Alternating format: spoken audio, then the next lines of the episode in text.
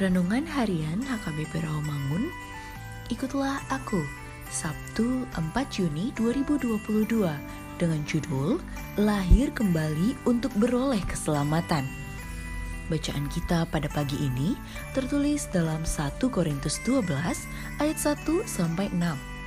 Dan bacaan kita pada malam ini tertulis dalam Yosua 1 ayat 10 sampai 18 dan kebenaran firman yang menjadi ayat renungan kita hari ini ialah Titus 3 ayat 4 sampai 5. Tetapi ketika nyata kemurahan Allah, juru selamat kita dan kasihnya kepada manusia, pada waktu itu dia telah menyelamatkan kita bukan karena perbuatan baik yang telah kita lakukan, tetapi karena rahmatnya oleh permandian kelahiran kembali dan oleh pembaharuan yang dikerjakan oleh roh kudus.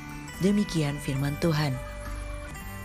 Sahabat ikutlah aku yang dikasihi Tuhan Yesus, kita bersyukur oleh karena kemurahan kasih Allah telah nyata bagi kita. Nyata Maksudnya bahwa kemurahan kasih Allah itu bukanlah angan-angan atau keselamatan bayangan alias kaleng-kaleng. Tertulis dalam Titus 2 ayat 11. Oleh kemurahannya, kita telah beroleh keselamatan. Bukan oleh karena perbuatan amal baik kita, tetapi oleh karena rahmatnya yang sejati. Bagaimana cara kita diselamatkan? Yakni dengan permandian kelahiran kembali dan oleh karena pembaruan yang dikerjakan oleh Roh Kudus dalam diri kita, tertulis dalam ayat 5. Maksud permandian kelahiran kembali adalah kita telah mati dalam kematian Kristus dan kembali dibangkitkan dalam kebangkitan Kristus. Bila kita telah mati bagi dosa, masakan kita masih dapat hidup di dalamnya, bukan?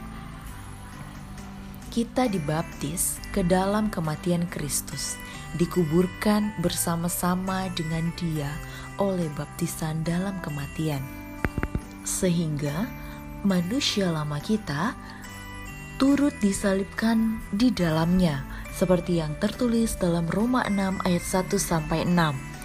Serentak dengan itu, Selanjutnya roh kudus juga telah membaharui kita yang dahulu kotor dan jijik kini telah dibaharui dan disucikan.